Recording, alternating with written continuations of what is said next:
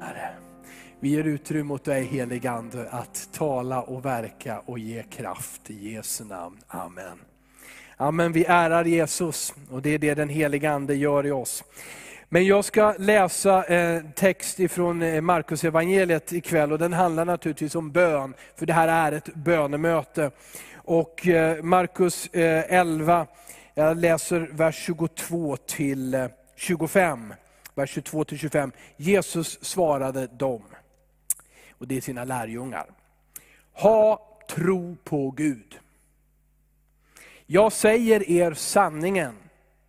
Om någon säger till det här berget, lyft dig, kasta dig i havet, och inte tvivlar i sitt hjärta utan tror att det han säger ska ske, då kommer det att ske för honom. Och jag lägger till, för henne. Därför säger jag er, allt vad ni ber om och begär, tro att ni har fått det, så skall det bli ert. Och när ni står och ber, så förlåt om ni har något emot någon. Då ska också er far i himlen förlåta er era överträdelser. Det här sa Jesus på onsdag morgon i det som vi kallar påskveckan eller stilla veckan. Onsdag morgon. På fredag så skulle han, fredag morgon, två dygn senare, så piskades han, dömdes orättfärdigt och orättvist till döden. Han korsfästes den förmiddagen, den dagen och dog för våra skulder. Men på onsdag morgon, bodde, han bodde sen, sen lördag, sen lördag så bodde han hos sina vänner, Maria och Marta och Lazarus. Han hade uppväckt Lazarus från de döda några månader tidigare. Han var hos dem på söndagen. På, på måndagen så red han in på en åsna i Jerusalem. Och man viftade med palmblad och la, la sina mantlar på den dammiga gatan för att han skulle rida in som en fredskonung. Den måndagskvällen eller måndag eftermiddag så gick han in i templet och tittade, står det bara, och så iakttog vad som hände. Och så återvände han till Betania, till sina vänner. På tisdag morgon, på väg in till Jerusalem igen, så såg han det här fikonträdet. Och det fikonträdet predikade jag om i söndags och är en symbol för templet. Templet är en symbol för en religion, det är inte fel Bibeln, Jesus säger inte att det är fel med organiserad religion. Det här var den tro som Gud hade gett Mose och patriarkerna. Men som utfördes på ett ytligt sätt och till att förtrycka andra människor. Och Jesus förbannade fikonträdet och, på det, och sa också därmed, den typen av religion, ytlig religion, är död. Kan inte ge liv. Bara hjärtats tro ger liv. Han gick in den eh, tisdagen i templet och rensade det från de som sålde, de som tjänade pengar med hög ränta på att sälja offerdjur åt ofta fattiga människor. De som bedrev så mycket handel på hedningarnas förgård, att det var rent omöjligt för en hedning som kom resande från jordens hörn för att be till Israels Gud, universums Gud. Det var omöjligt att gå in i bön där, för det var en marknad och det var ett, ett, ett, ett, ett stim och en ljudnivå som gjorde det omöjligt att vara det bönens hus för alla folk som Gud hade befallt att templet skulle vara. Jesus välte borden från de här pengaväxlarna och månglarna. Han kastade ut deras stolar och han förbjöd dem att, att gå med sina handelsdjur över den här yttre förgården, hedningarnas förgård. Så återvände han hem och sen nästa morgon, onsdag, så kom de förbi fikonträdet som han hade förbannat dagen innan. Vad var det som han hade förbannat? Jo, det var grönt. Löven var gröna men det fanns ingen frukt, ingen kart på plats. Och då sa han, det här det, på långt håll ser ut som ett grönskande träd fullt av frukt, men när du kommer nära så är det död. Och Det var det Jesus sa om religionen i templet. Det ser vackert ut, det är guld och det är offerdjur och människor ber. Men det är död, för att det inte är ifrån hjärtat. Och när lärjungarna såg det här trädet nästa morgon, då var det dött. Från roten uppstod det. Och det finns inget träd som dör på bara några veckor. Möjligen några månader, ofta tar det åratal innan roten dör. Men det trädet dog över natt. För att Jesus sa, förbannat är du, aldrig ska någonsin mer äta utav, den, utav din frukt. För att du inte ger någon frukt, men bara ett sken av att ge frukt. Och Petrus han, sa, han kom ihåg vad Jesus hade sagt. Han, Rabbi, se fikonträdet som du förbannade har vissnat. Och det var då som Jesus sa de här orden. Ha tro på Gud. Och så talar Jesus om en tro som förflyttar berg. Och det, den vill Jesus föra dig in i. Och han vill visa dig att den tro som du har, den kan förflytta berg. Det här är ett oerhört uppmuntrande budskap till dig. För det handlar naturligtvis inte om ett fysiskt berg, utan ett berg av problem. Ett lidande som du tycker det tar inte slut. Var är vägen? Men Jesus har lagt in en tro i ditt hjärta och den tron kan förflytta berg. Ska vi se, Jesus säger, ja men jag tror att han säger fyra saker här om en tro som förflyttar berg. Och har du en penna så ska du stryka under fyra stycken ord i den här texten. Sen kan du skriva ett, två, tre, fyra ut i kanten, det har jag gjort. Så har du en predikan som du kan hålla för någon annan eller för dig själv när du behöver det. Okej? Okay? Då står det så här, ha tro på Gud. Stryk under på Gud. Det är en tro som förflyttar berg. Tron på Gud. Inte tron på tron. Förstår du? I Amerika har Oprah Winfrey, hon, har gjort, hon håller på att göra tro jättepopulärt. Kanske såg några av er hennes program om tro, om hur man tror i Indien, och hur man tror i Asien, och hur man tror i Europa, hur man tror där. Och man blandar alla möjliga religioner. Och tro är något fint, och, och det, är ju, det är ju tacksamt, för när jag växte upp på 70-talet och 80-talet, då var tro något rätt så skamligt i Sverige. Det var verkligen, de riktigt, riktigt dumma, de trodde fortfarande. Men med alla andra visste ju, eller hur? Du vet, de visste hur det är och det finns ingen Gud och så vidare. Det var riktigt skamligt. Och jag är glad att, att tron har fått ett utrymme också i Sverige, till och med ibland i riksdagsmäns munnar och så vidare. Att tro är någonting fint. Men tro på tron, tron på min egen tro, den förflyttar inga berg, utan tron på Gud förflyttar berg. Det är, den, det är så viktigt vart vårt fokus ligger. Inte, inte heller Eh, alltså inte på min tro, inte på din tro, den borde vara så här din tro. Och, nej, nej, nej, utan det är tron på Gud. Stryk under på Gud. Det är det som är avgörande för en tro som förflyttar berg. Vers 23. Jag säger er sanningen, och det, det var långt, egentligen är det bara ett ord i, i grekiskan och hebreiskan, det kan ni, eller hur? Amen. Amen, tack så mycket. Amen säger Jesus. Det här, lyssna, det här är sant. Amen, jag säger dig sannerligen. Om någon säger till det här berget, stryk under ordet säger. Den tro som förflyttar berg talar eller uttalas. Det här är livsviktigt och en biblisk undervisning. Att din tro behöver formuleras med din mun och uttryckas. Den som bekänner Jesus som sin Herre, ska vadå? då? Ska vara frälst. Du behöver ta hjärtats tro och ge uttryck genom din mun. Det finns mycket biblisk undervisning om, om, om, om vad, vad, vad ord gör. Ordens kraft.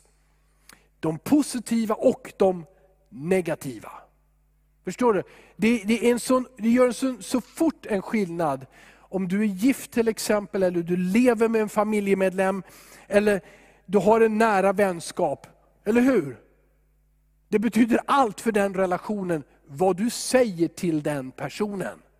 Du kan bygga upp och du kan bryta ner en annan människa och en relation så fort. Orden har kraft. Vår tro behöver uttryckas i ord. Därför så, så sa inte Jesus, om någon känner att det här berget borde flytta på sig. Nej, nej, nej. nej.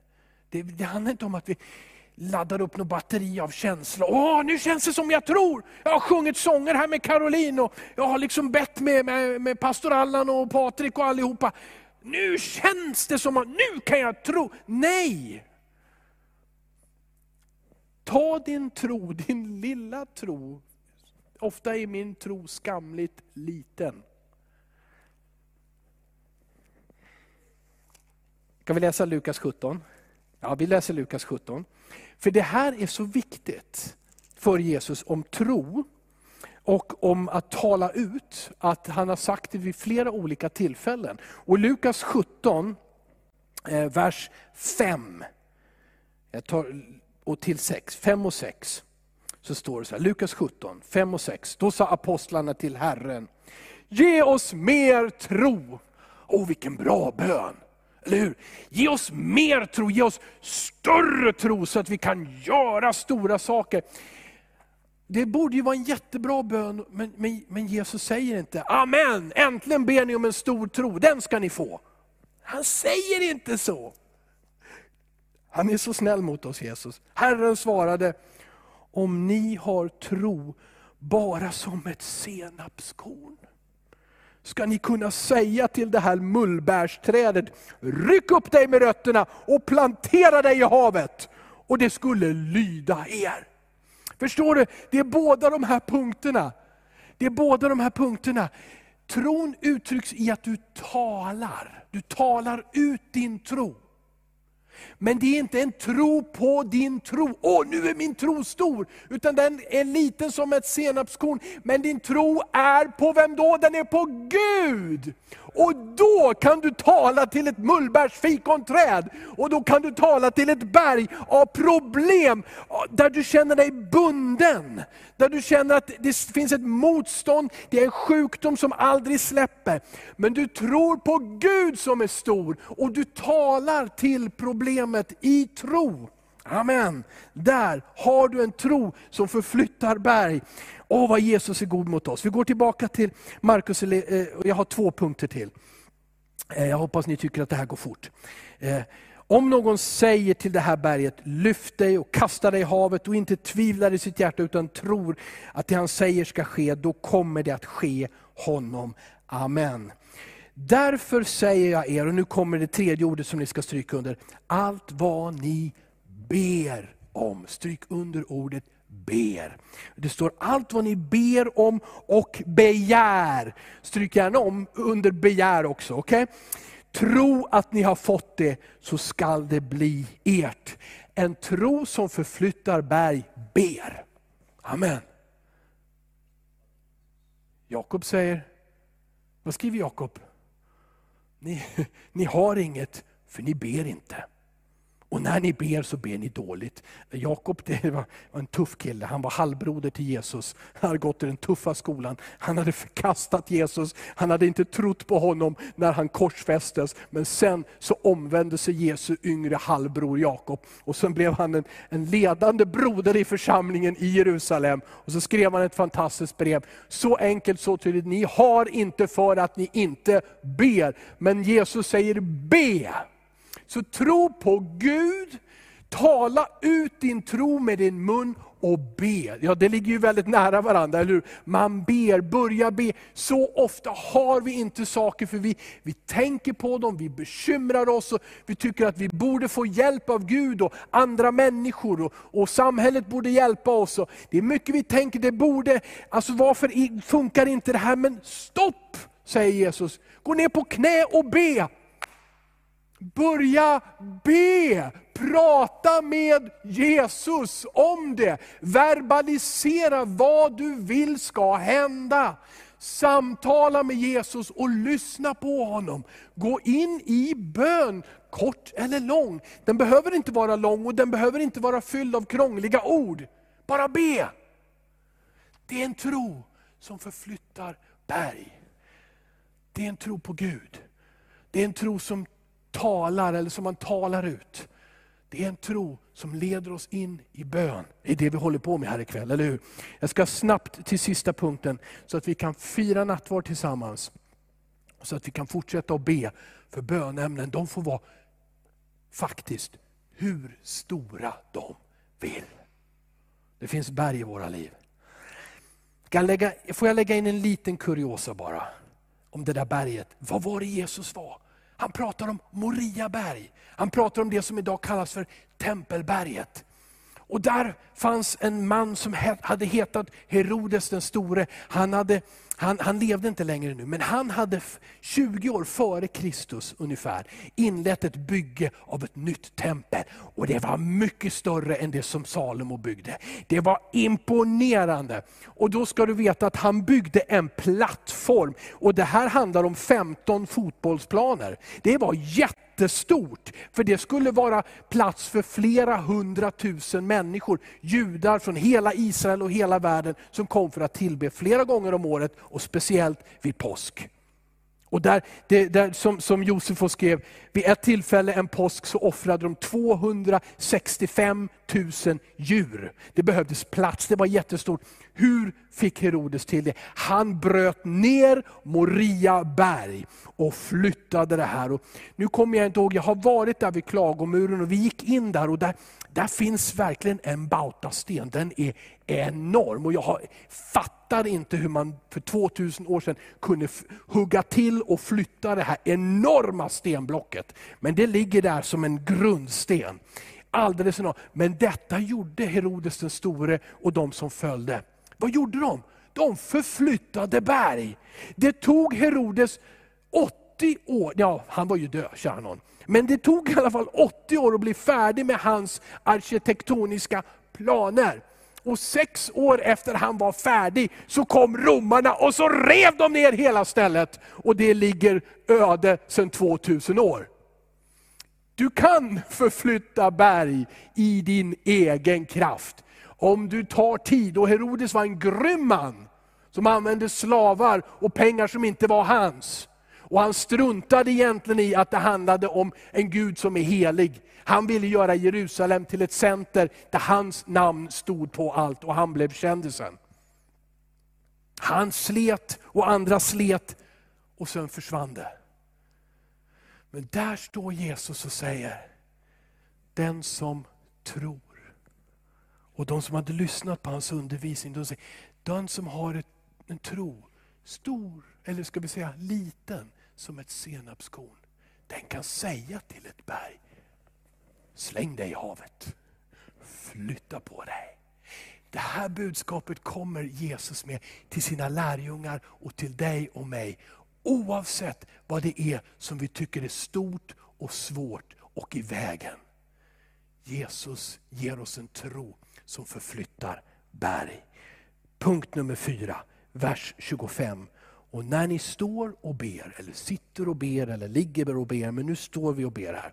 När ni står och ber, så förlåt om ni har något emot någon. Stryk under som fjärde ord ordet förlåt. Då ska också er far i himlen förlåta er era överträdelser. Att förlåta.